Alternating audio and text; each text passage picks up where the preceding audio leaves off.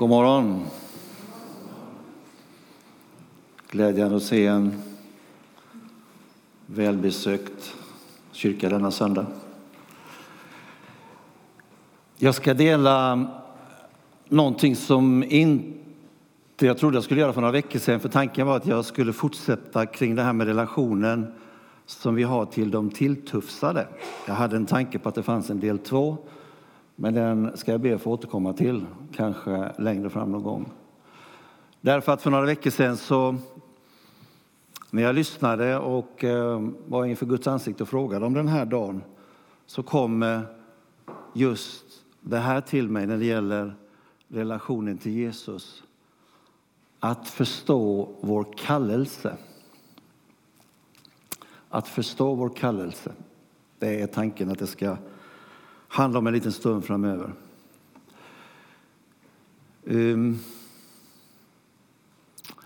om du tänker så här nu att om, när jag nu predikar över det här och har förberett mig kring det här och vandrat en del månader och, och fått inspiration av Herren kring det här, då har jag förstått alltihop. Nej, jag kan sitta jämte dig i bänken och känna den här predikan är till mig själv. Vad är det egentligen vår bibel säger om att förstå en, vår kallelse? Om vi börjar med bara ordet kallelse, det har vi ju stött på. Vi får en kallelse ibland att eh, man förväntar sig att vi ska komma till ett årsmöte kanske, en förening, vad det nu är för något sammanhang. Och vi, vi ser kallelsen och vi läser den. Och eh, vi tar någon form av ställning till den. Till exempel att vi går dit och eh, finns med, eller att vi meddelar att vi inte kommer att delta. Vi kommer att titta på en hel del bibelställen där vi ser vad Jesus vill säga om det här med vår kallelse och vad han ville. Men vi kan eh, börja väldigt långt tillbaka för den gamle profeten Jeremia. Eh, det bibelordet får du inte nu, men du kan slå upp det i lugn och ro i första kapitlet i boken Jeremia. Där börjar Gud att tala till en ung man, Jeremia, och han svarar direkt. Jag är för ung för Gud hade en väldigt tydlig kallelse till Jeremia, men Jeremia svarade, nej men jag är för ung, det går inte. Och då ska du få höra här vad Gud säger till Jeremia. Då sa Herren, säg inte att du är för ung, utan gå dit jag sänder dig och tala det som jag befaller dig. Den uppmaningen från Gud till Jeremia, det är ju inga det är ju inte att Gud sätter sig och resonerar och säger vi kan väl prata om det. Nej, Gud säger säg inte att du är för ung. Gå dit jag sänder dig och förmedla det som jag har befallt att du ska säga. Det är en kallelse. Och då är frågan, Jeremias kallelse och den kallelse som gäller för dig och mig idag, vad kan vi lära oss av det här? Och vi ska framförallt landa i vad Jesus själv säger. När det gäller då relationen till Jesus. Och då skulle jag vilja börja med att säga så här. Jag tror att de flesta, jag menar det är ju mestadels bara kända ansikten här nu. Men även du som sitter vid webben. Om du skulle säga så här att du har en personlig relation till Jesus och jag skulle be dig att tänka till på, använd bara ett ord i din tanke för att då tala om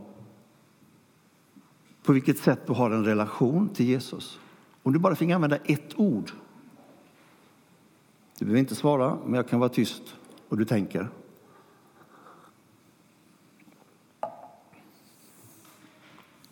Någonting tänkte du. Om jag nu skulle ge dig två ord och säga vilket av de här två orden hade du först tänkt på när det gäller din personliga relation till Jesus? Troende följare. Vi kan byta bild. Jag tänkte stanna vid det här lite idag. Att vara troende eller att vara följare. Och eh, vi kan ställa oss frågan, finns det någon skillnad här? Är det antingen eller? Och det tror jag vi ska märka att vi kommer fram till allt eftersom min predikan pågår. Eh, jag tror att många av oss säger att jo, men, ja, men jag är troende. Jag, vi kan till och med säga jag är Jesus troende. Absolut. Frågan är så här, jag är, jag är Jesus följare. Det är vad jag tycker att jag är i mitt, i mitt dagliga liv. Jag är en Jesus-följare. Jag följer Jesus.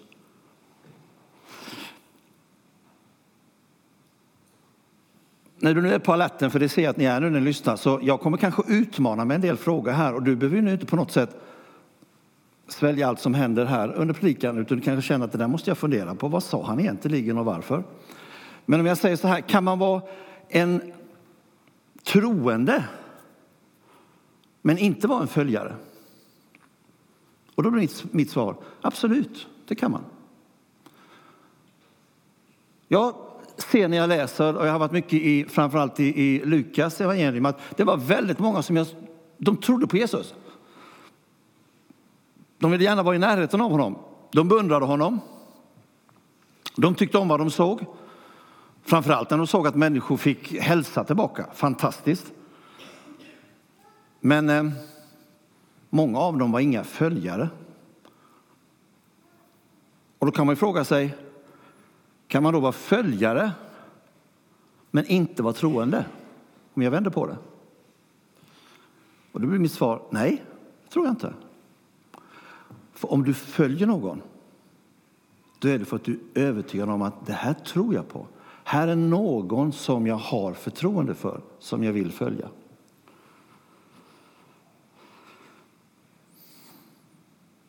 Vi ska se på några saker nu, och vi kommer vara i Lukas en del kring vad Jesus säger. Men vi kan börja med, och vi tar nästa bild Elias. Vi börjar här med just det här att Jesus är väldigt tydlig på många ställen där han säger Kom, kom till mig. Det är en uppmaning från Jesus.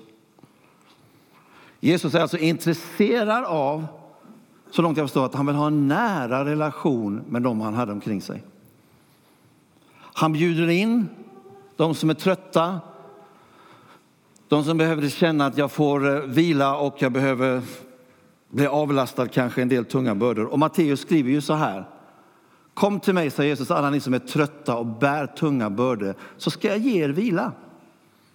Så det här är viktigt att ta med. Jesus säger verkligen kom, när vi nu pratar om en relation med honom. Han säger, ni kan gå in under mitt ok och ni kan lära av mig, säger Jesus. Lära av mig. Jag är mild, säger han också. Jag är ödmjuk i hjärtat. Och hos mig, om ni kommer, så kommer ni finna ro för era själar. Mitt ok, säger Jesus, det är behagligt. Och min börda, den är lätt. Kom, säger Jesus. Kom. Och vi kan se att det här med den innerliga inbjudan från Jesus, kom, det är ju första steget till att överhuvudtaget, för där måste vi ju svara ja eller nej. Eh, och väljer att säga att jag kommer Jesus. Jag, jag vill ha en nära relation. Jag skulle tycka det var skönt här om du kunde lasta av mig en del bördor som jag har.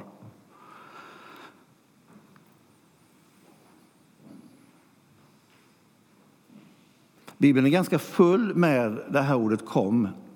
Eh, Bengt var i Uppenbarelseboken, skulle vi läsa i det sista kapitlet så det är nästan som Bibeln slutar med i det 22 kapitlet, det är att det står till exempel Anden och bruden säger kom.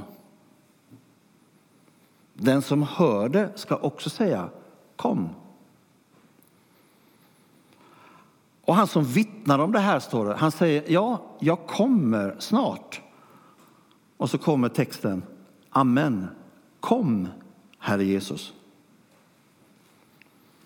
Här skulle jag vilja att vi börjar i steg nummer ett, att det finns ett kom ifrån Jesus. Kom till mig. Mildhet. Det är inga, jag är ödmjuk, säger Jesus. Jag är full av kärlek. Hela Johannes 3 och 16 som vi kan utan till, det talar om att Jesus visste varför han var här. Men vi tar också nummer två, vi byter. Det handlar också om att stanna kvar. Att bli kvar. I Johannes 15 så har vi berättelsen om vinträdet och Jesus försöker förklara varför det var viktigt att grenarna skulle finnas där. Jesus säger att om någon är kvar i mig, man har kommit, men nu är du kvar i mig och jag i honom, då kommer han att bära mycket frukt. Men utan mig kan ni ingenting göra, säger Jesus. Utan mig kan ni ingenting göra. När jag förberedde min predikan så kom jag på att det här att bli kvar, att komma. De flesta av er vet ju, vi har tre hundar där hemma i Bråbacka. Och när jag är uppe tidigt, framför allt åldersladyn Tindra, tio år. Hon vill aldrig ligga kvar om hon ser att jag går upp. Och vart jag än går, det börjar med toaletten, och sätta på kaffet, så är hon där vid mina fötter. Och där jag sätter mig, där sätter hon sig. Och jag har så många gånger tidig morgon sagt Jesus, så här vill jag vara med dig. Jag vill bli kvar, alltid vid dina fötter. Bli kvar, viktigt. Jag tror det är klokt om du och jag börjar varje morgon och säger just det. Jesus, här är jag. Jag vill vara nära dig den här dagen. Jag vill vara kvar. Jag har redan kommit sedan kanske många år tillbaka, men den här dagen vill jag också vara nära dig. Alltså det handlar om att komma, det handlar om att stanna kvar. Vi kan byta bild för det tredje. Och nu kommer vi till lite grann det som kommer handla om vår kallelse. Nämligen att följ mig, säger Jesus också. Och texten här från Lukas 5. När Jesus gick därifrån fick han se en tullindrivare som hette Levi sitta utanför tullhuset. Kom och följ mig, sa Jesus till honom. Levi lämnade allt och reste sig och följde Jesus. Jag vet att i min förra predikan så nämnde jag om Levi. Jag tror du kommer ihåg. Tulltjänstemannen från Kafarnaum. Absolut inte omtyckt. Han var bespottad av de flesta.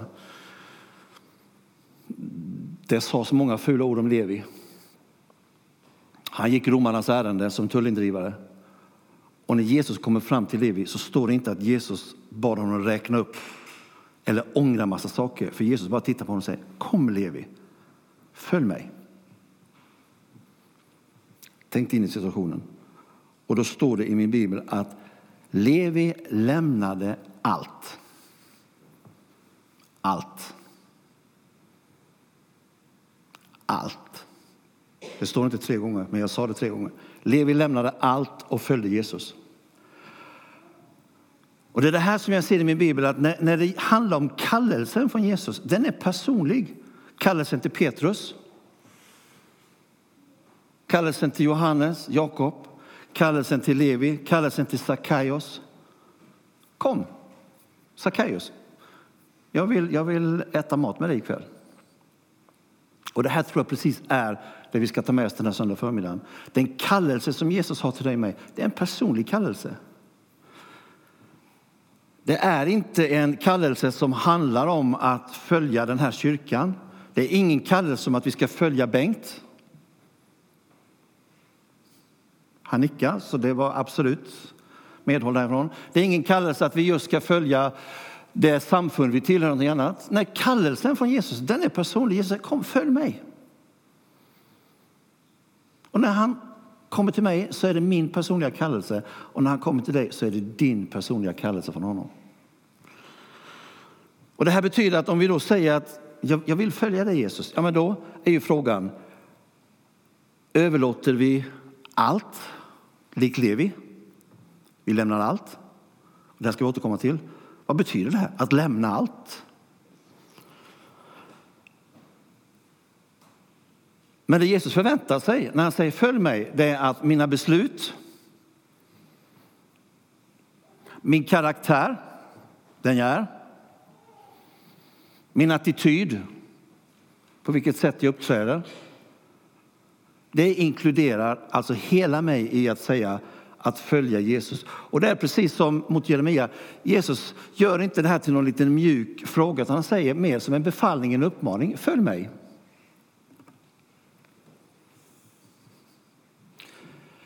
Det finns, och det är också i Lukas 9, Läs gärna Lukas 9, det är 62 versar, det är ett ganska långt kapitel, men det är väldigt spännande. Du kommer märka på ett ställe att de som var omkring Jesus, han såg några stycken, vi har inte namnet på dem, men Jesus sa till någon bland annat, kom följ mig. Eh, ja, det ska jag, men låt mig först. Det där männet när det kliver in, när Jesus kallar oss, har jag stannat en del inför. Det är inget bra män. För det talar om att det är något annat som jag tycker är viktigare som jag ska göra innan jag följer den kallelse som Jesus ber mig och ger mig uppmaning om. Jag har ett men. Nej, men låt mig först gå bort och göra det här.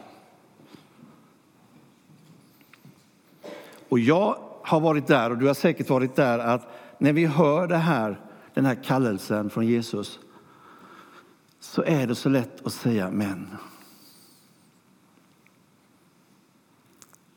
Läs om Mose. Det intressanta är när, när väl busken brinner och Mose är någonstans, troligtvis runt 80 och Gud börjar tala till Mose och Mose börjar argumentera direkt. Men, säger Mose. Och Gud säger till slut bara, vad har du i din hand? Han säger inte, jag vet att du har varit prins, jag vet att du är en mördare, jag vet att du är en egen företagare och driver en väldigt stor fårfarm. Utan Jesus frågar bara, vad har du i din hand?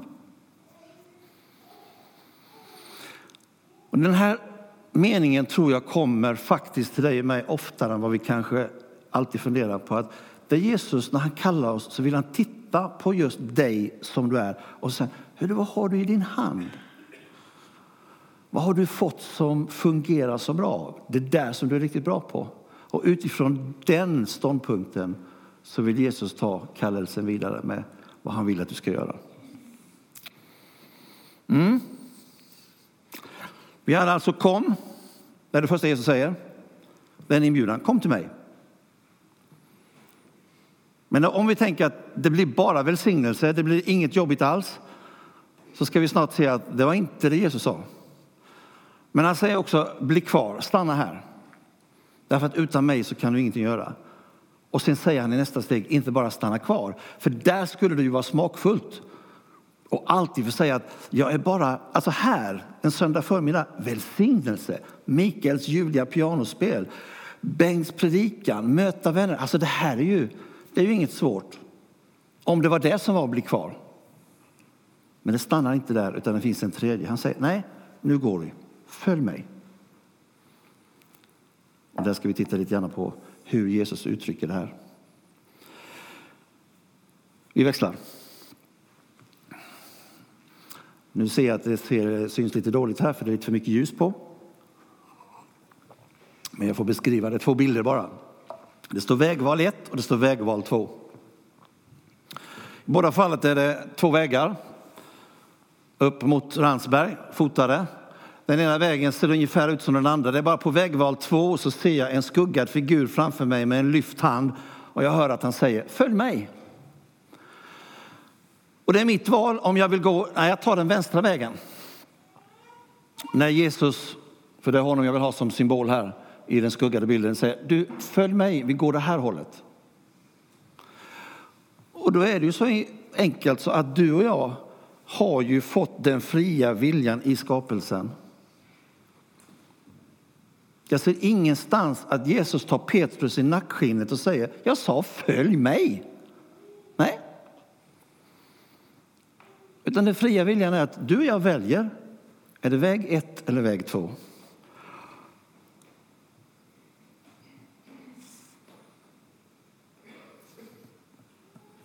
Att följa Jesus då? Vad kan det innebära? Behöver vi vara ängsliga och tänka Ja, men om jag säger till Jesus, jag, jag, jag gör som Levi, jag vill lämna allt och följa dig. Och så helt plötsligt säger Jesus, vad bra, du ska ner till Ryefalk bland eh, massajerna. Vad fint att du sa det. Och jag kände, varför sa jag, varför sa jag ja? Jag vill inte till massajerna. Eller vad det nu är.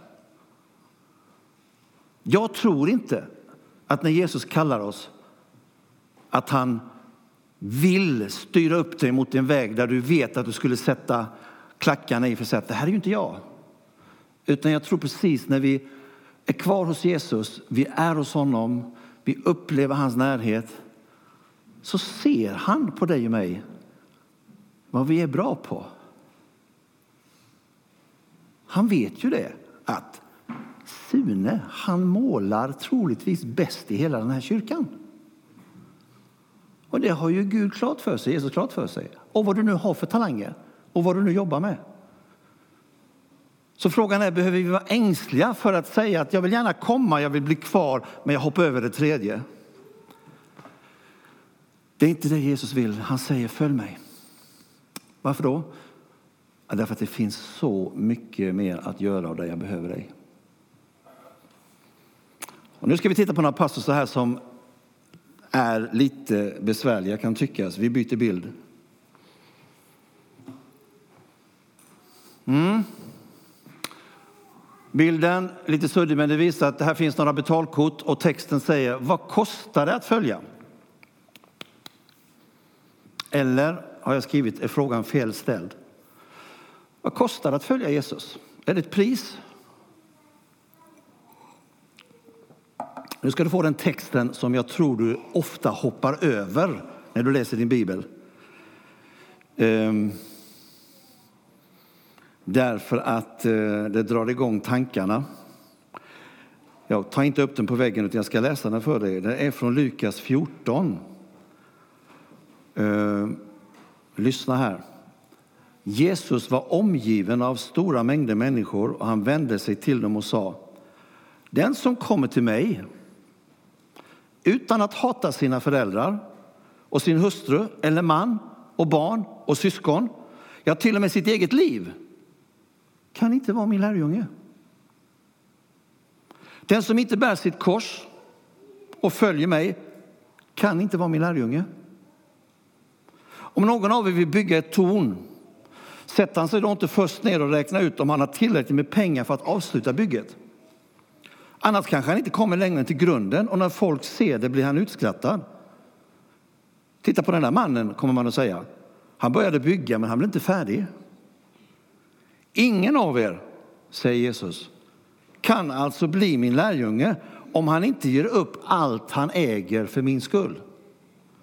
Salt är bra, men det är inte till någon nytta om det har förlorat sin kraft.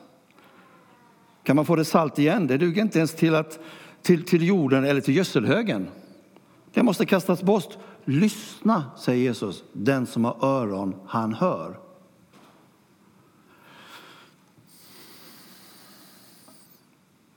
Lite svidande västar i Lukas 14.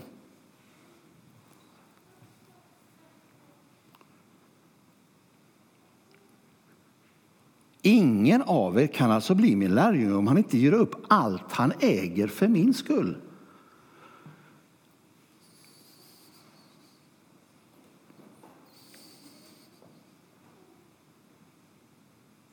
Är det så här att det här avsnittet, vi predikar inte om det så ofta, vi hoppar över det för att det blir för besvärligt. Eller vad är det han menar? Vågar vi stanna upp en stund inför Jesus och säga, Jesus vad är det du menar? Och det är inte bara Lukas som skriver om det, Matteus skriver om det, precis samma episod. Markus skriver om det. Och vers 33 som jag nästan sa just, ingen kan bli min lärjunge om han inte ger upp allt. Och det här ger mig huvudbry ibland och kanske dig också. Vad betyder det att ge upp allt? Betyder det att du ska släppa allt det du har? Är det det Jesus försöker säga? Jag tror inte det, så jag svarar nej på det. Och du får fundera själv. Jag tror att det Jesus vill säga är att om jag kallar dig till att följa mig då vill jag att jag ska få ha första platsen i ditt liv. Och det räcker att komma ihåg de gamla budorden. Du ska inga andra gudar ha jämte mig eller framför mig.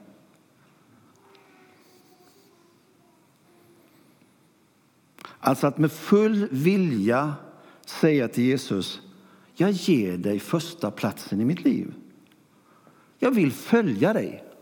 Du vet vem jag är, du vet vad jag kan. Du säger inte att jag ska säga upp mitt arbete, du säger inte att jag ska sälja allt vad jag äger och gå till kassören och säga här får du alla mina pengar. Du säger inte att jag måste bli pastor för Bengt är pastor. Inte alls. Utan jag tror just att Gud säger, jag vet vad du är. Men jag undrar bara, får jag första platsen i ditt liv? Vill du följa mig oavsett vad priset är? Och nu är frågan, är det här vi säger? Mm, troende eller följare? Jag tror att jag är troende. Det låter lite bekvämare. Följare börjar det kosta på lite här nu. Om jag måste välja mellan de orden. Eller, vad väljer vi? Vi byter bild. Vad menar Jesus när han sa det här? Vi tar nästa Elias. Lukas 9, sen sa han till folket, om någon vill följa mig så måste han förneka sig själv varje dag, ta sitt kors och följa mig.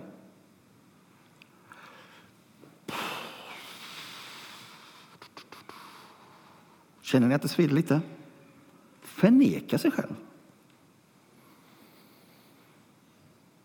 Vad, får du, vad får vi för tankar? Varför säger han, för det är ett citat, om någon vill följa mig måste han förneka sig själv. Vill Jesus att jag ska säga att jag, jag är ingenting värd? Nej. För det är det första jag kommer att tänka på. Är det det han försöker säga? Eller är det kanske till och med något ännu tuffare att eh,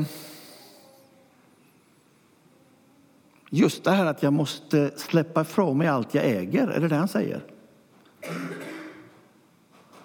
Och det här med att bära mitt kors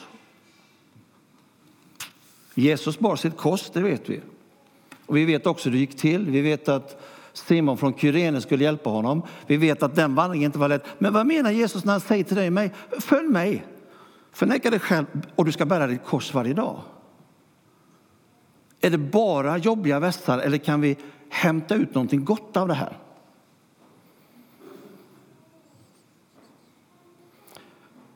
Jag tycker det här kan vara helt okej okay om du tänker du jag behöver inga mer kors att bära. Om jag kommer till den här kyrkan eller om jag kommer in i den här gemenskapen, då är det för att jag vill få lite lugn och ro. Jag behöver hjälp. Jag har haft nog med besvär. Jag vill att någon försöker lyfta av mig mina bekymmer. Jag, jag, har, jag har nog med kors som det har varit. Men ändå så gäller den här versen både dig och mig.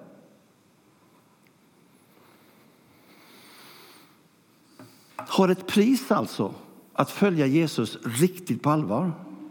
Ja, det har det. I fredags läste du och jag säkert notisen 25 mil söder om Kairo. Man var på väg från den koptiska, från klostret, ett busslast. Man hade haft dop och på vägen hem så står det ett IS-gäng och skjuter så mycket det bara går. Åtminstone sju personer satte livet till, 18 blev svårt skadade. Sex av de här personerna som dog tillhörde samma familj. Om de kommer in här i kyrkan idag, de som nu överlevde. Har våra kristna vänner i Egypten ett kors att bära? Du har svaret på det. Det kostar på. Det har kostat livet för några stycken i fredags. Så jag tror vänner att följa Jesus verkligen, det har ett pris i Sverige och det har ett pris i Egypten. Men det kanske inte är samma pris i Sverige som i Egypten.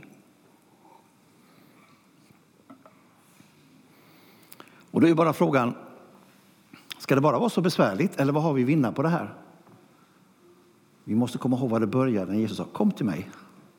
Mitt ok är milt, jag är ödmjuk i hjärtat och framför allt, jag har all makt i himlen och på jorden. Han vill att vi ska vara nära honom. Men det är tveklöst så att jag ser att det finns ett pris att betala. Vi växlar. Då har jag mina tre hundar igen och eh, då tar vi ett nytt sånt här ställe som är lite speciellt. Nu har de stannat upp på vägen, de här tre jyckarna. De vill låta säga att de är följare, men de blir lite tveksamma. Och då säger Lukas så här i det nionde kapitlet. Då sa Jesus, den som ser sig om efter att ha satt sin hand till plogen, han passar inte inför Guds rike. Tufft igen. Den som ser sig om efter att ha satt handen till plogen, han passar inte in i Guds rike. Du kunde väl sagt det lite mjukare på slutet där Jesus, kan jag tycka.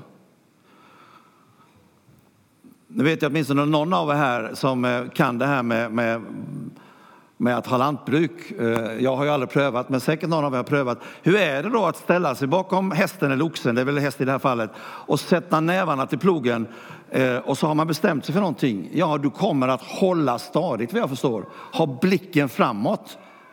För börjar du fundera på vad är det jag har lämnat, vad var det jag kanske, om blicken går bakåt, då vet jag hur fåran blir.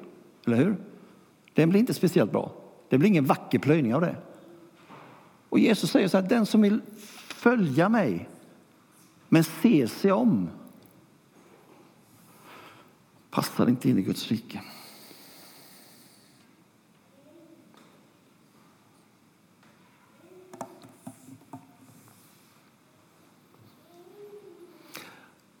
Det jag vill säga med den här predikan och det jag ser att Gud har talat till mig om under, några veckor här.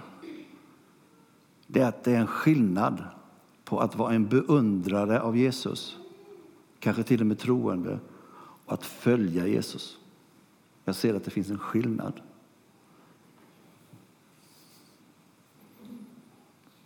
Vi tar nästa bild. Vi litar på honom, om vi nu tittar på vad det är att följa. Vi har en väg, vi har ett mål framåt. Vi litar på honom. Vi vet, ah, näst, allihop vågar jag påstå, om jag anar av vi som sitter här nu, jag vet inte hur det är framför webben. Men du är säker på att du har sagt ja till Jesus därför att du är övertygad om att den frälsning som han har lovat gäller för dig, som ska bära dig hela vägen hem som Bengt sa. Den gäller, du litar på honom, absolut.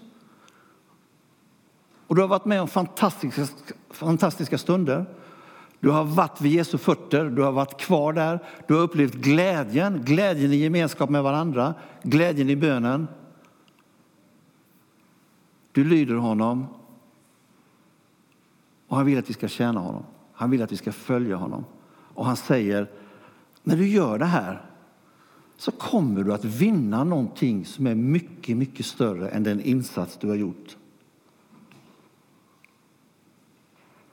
Jag ska ta ett ord ifrån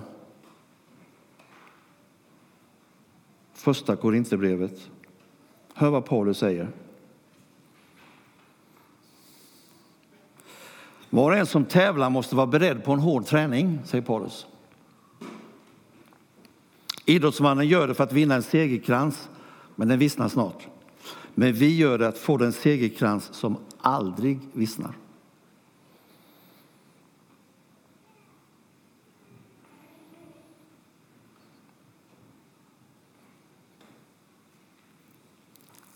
Kan växla bild. Det där är två trevliga grabbar.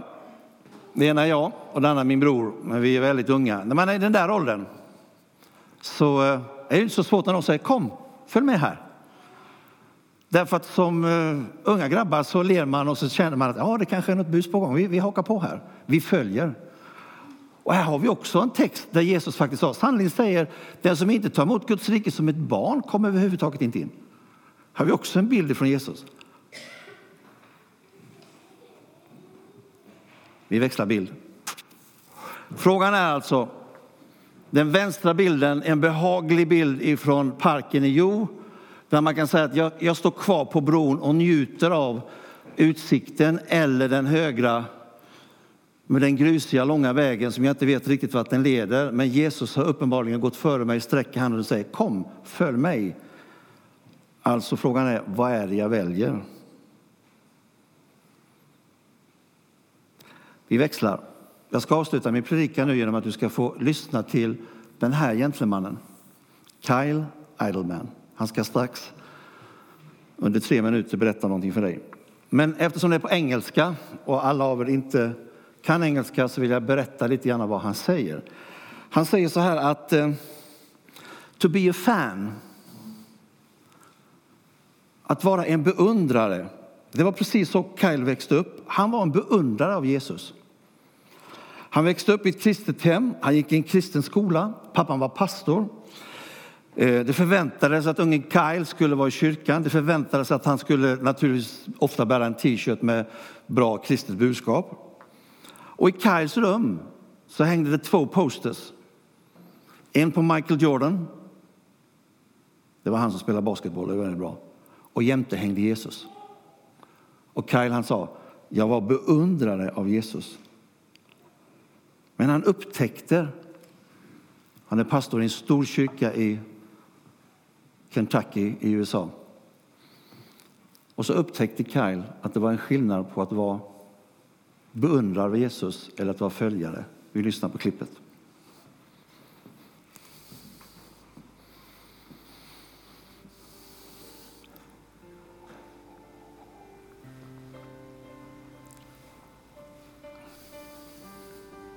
A fan is simply defined as an enthusiastic admirer. I would have to say that for most of my Christian life, I haven't been much more than a fan of Jesus. I was born into a Christian home, I went to a Christian school. You know, my dad was a preacher, and from the beginning, I was expected to love Jesus. I was expected to believe in Jesus. And that meant by the time I was 13, you know, I was expected to have the Baptist blow dry haircut. Uh, you know, the peer pressure that I experienced as a kid was to, you know, wear the Christian T-shirt. So I had um, you know, God's Gym, I wore that one. Um, this blood's for you, yeah, I had that one too. And, and from the beginning, I was a, a fan. I was a fan of Jesus. In fact, in my room, this is true, in my room, next to a poster of Michael Jordan, I had a picture of Jesus Christ.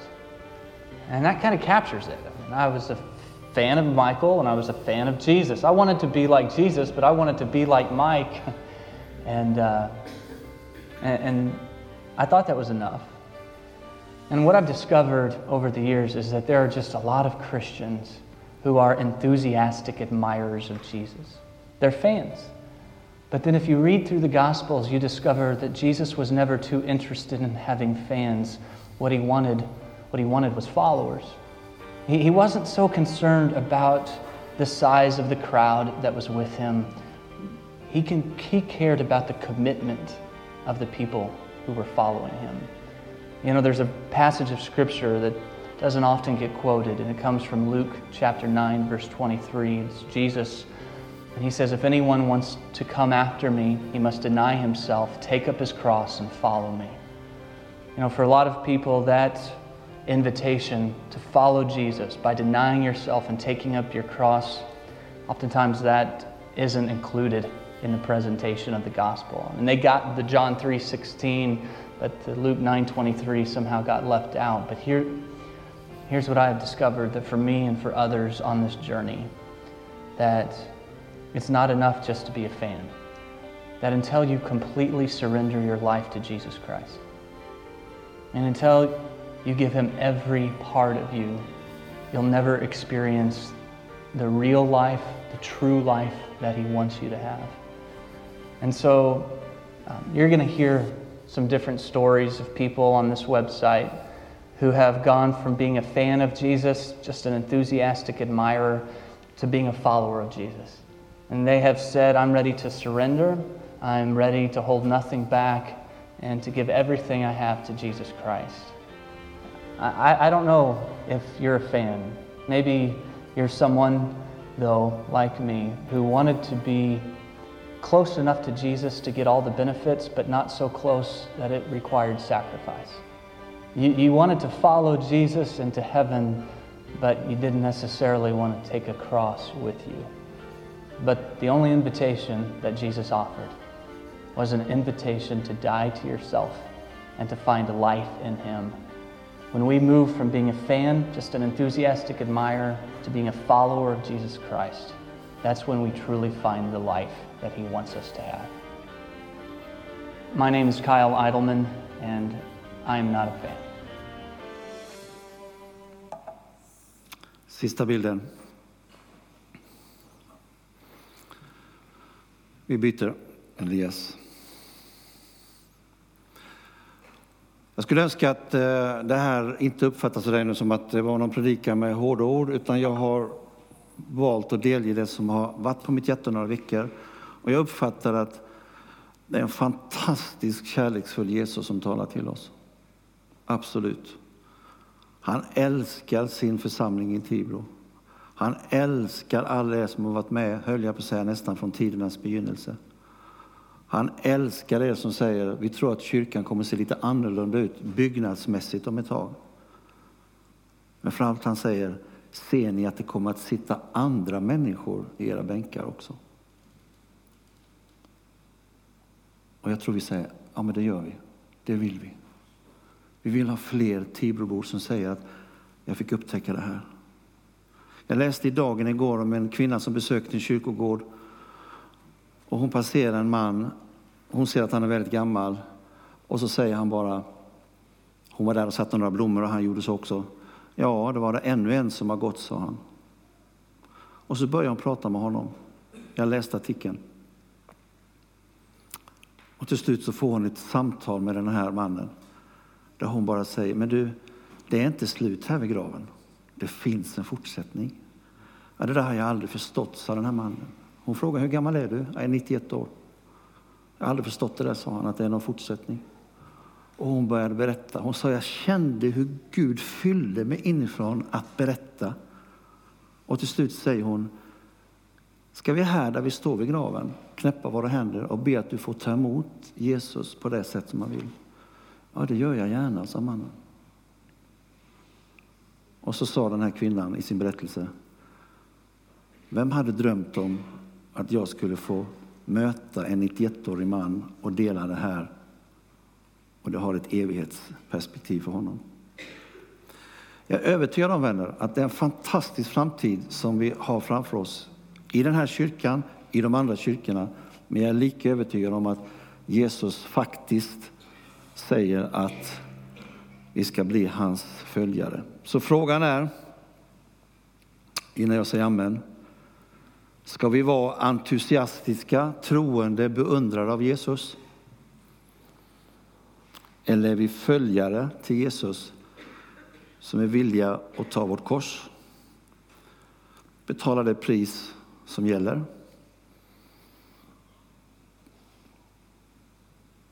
Ja, det handlar om att lämna allt. Vi står upp.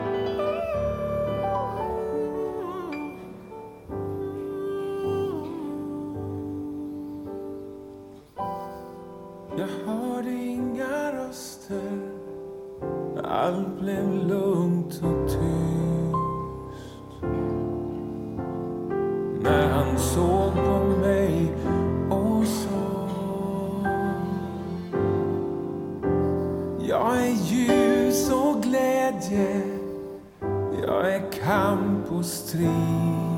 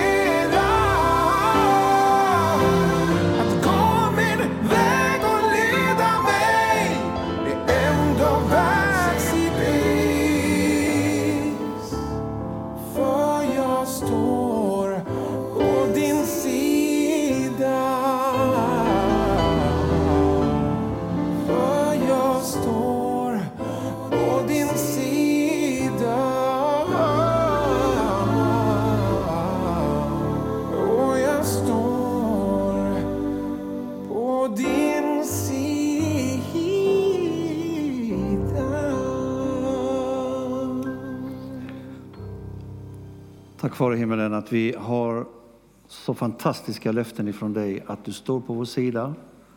Att du har sagt jag kommer vara med er alla dagar in till tidens slut. Tack för att du slår en, en mur omkring oss. Ibland förstår vi inte när priset är för högt. Vi, vi tänker den här söndagen här på det jag nämnde innan som hände här i Egypten. Människor får sätta livet till för att de visar att de har en tro på dig och de går dopets väg. Och där tar livet slut. Det är ofattbart och onödigt, tycker vi, Herre. Och det är inte det vi skulle önska oss, men vi bara den här söndagen, Herre, får bara komma inför dig och säga hjälp oss att förstå, när vi nu begrundar den här texten, kanske idag eller framåt, vad det är att följa dig. Inte på avstånd, utan gå nära dig. Och ju närmare dig vi går, så vet vi att du är där. Herre, tack för den här församlingen. Tack för alla mina vänner. Tack för det som ligger framför. Tack för alla löften om att jag vet vad jag har för planer för er, säger Herren. Tack för att det gäller oss och det som ligger framåt. Vi är troende, Herre. Vi tror på att du har dött, uppstått för vår skull. Och vi tackar dig för det. Men Jesus, vi stannar inte där. Vi vill följa dig på det sätt som du kallar oss. Amen.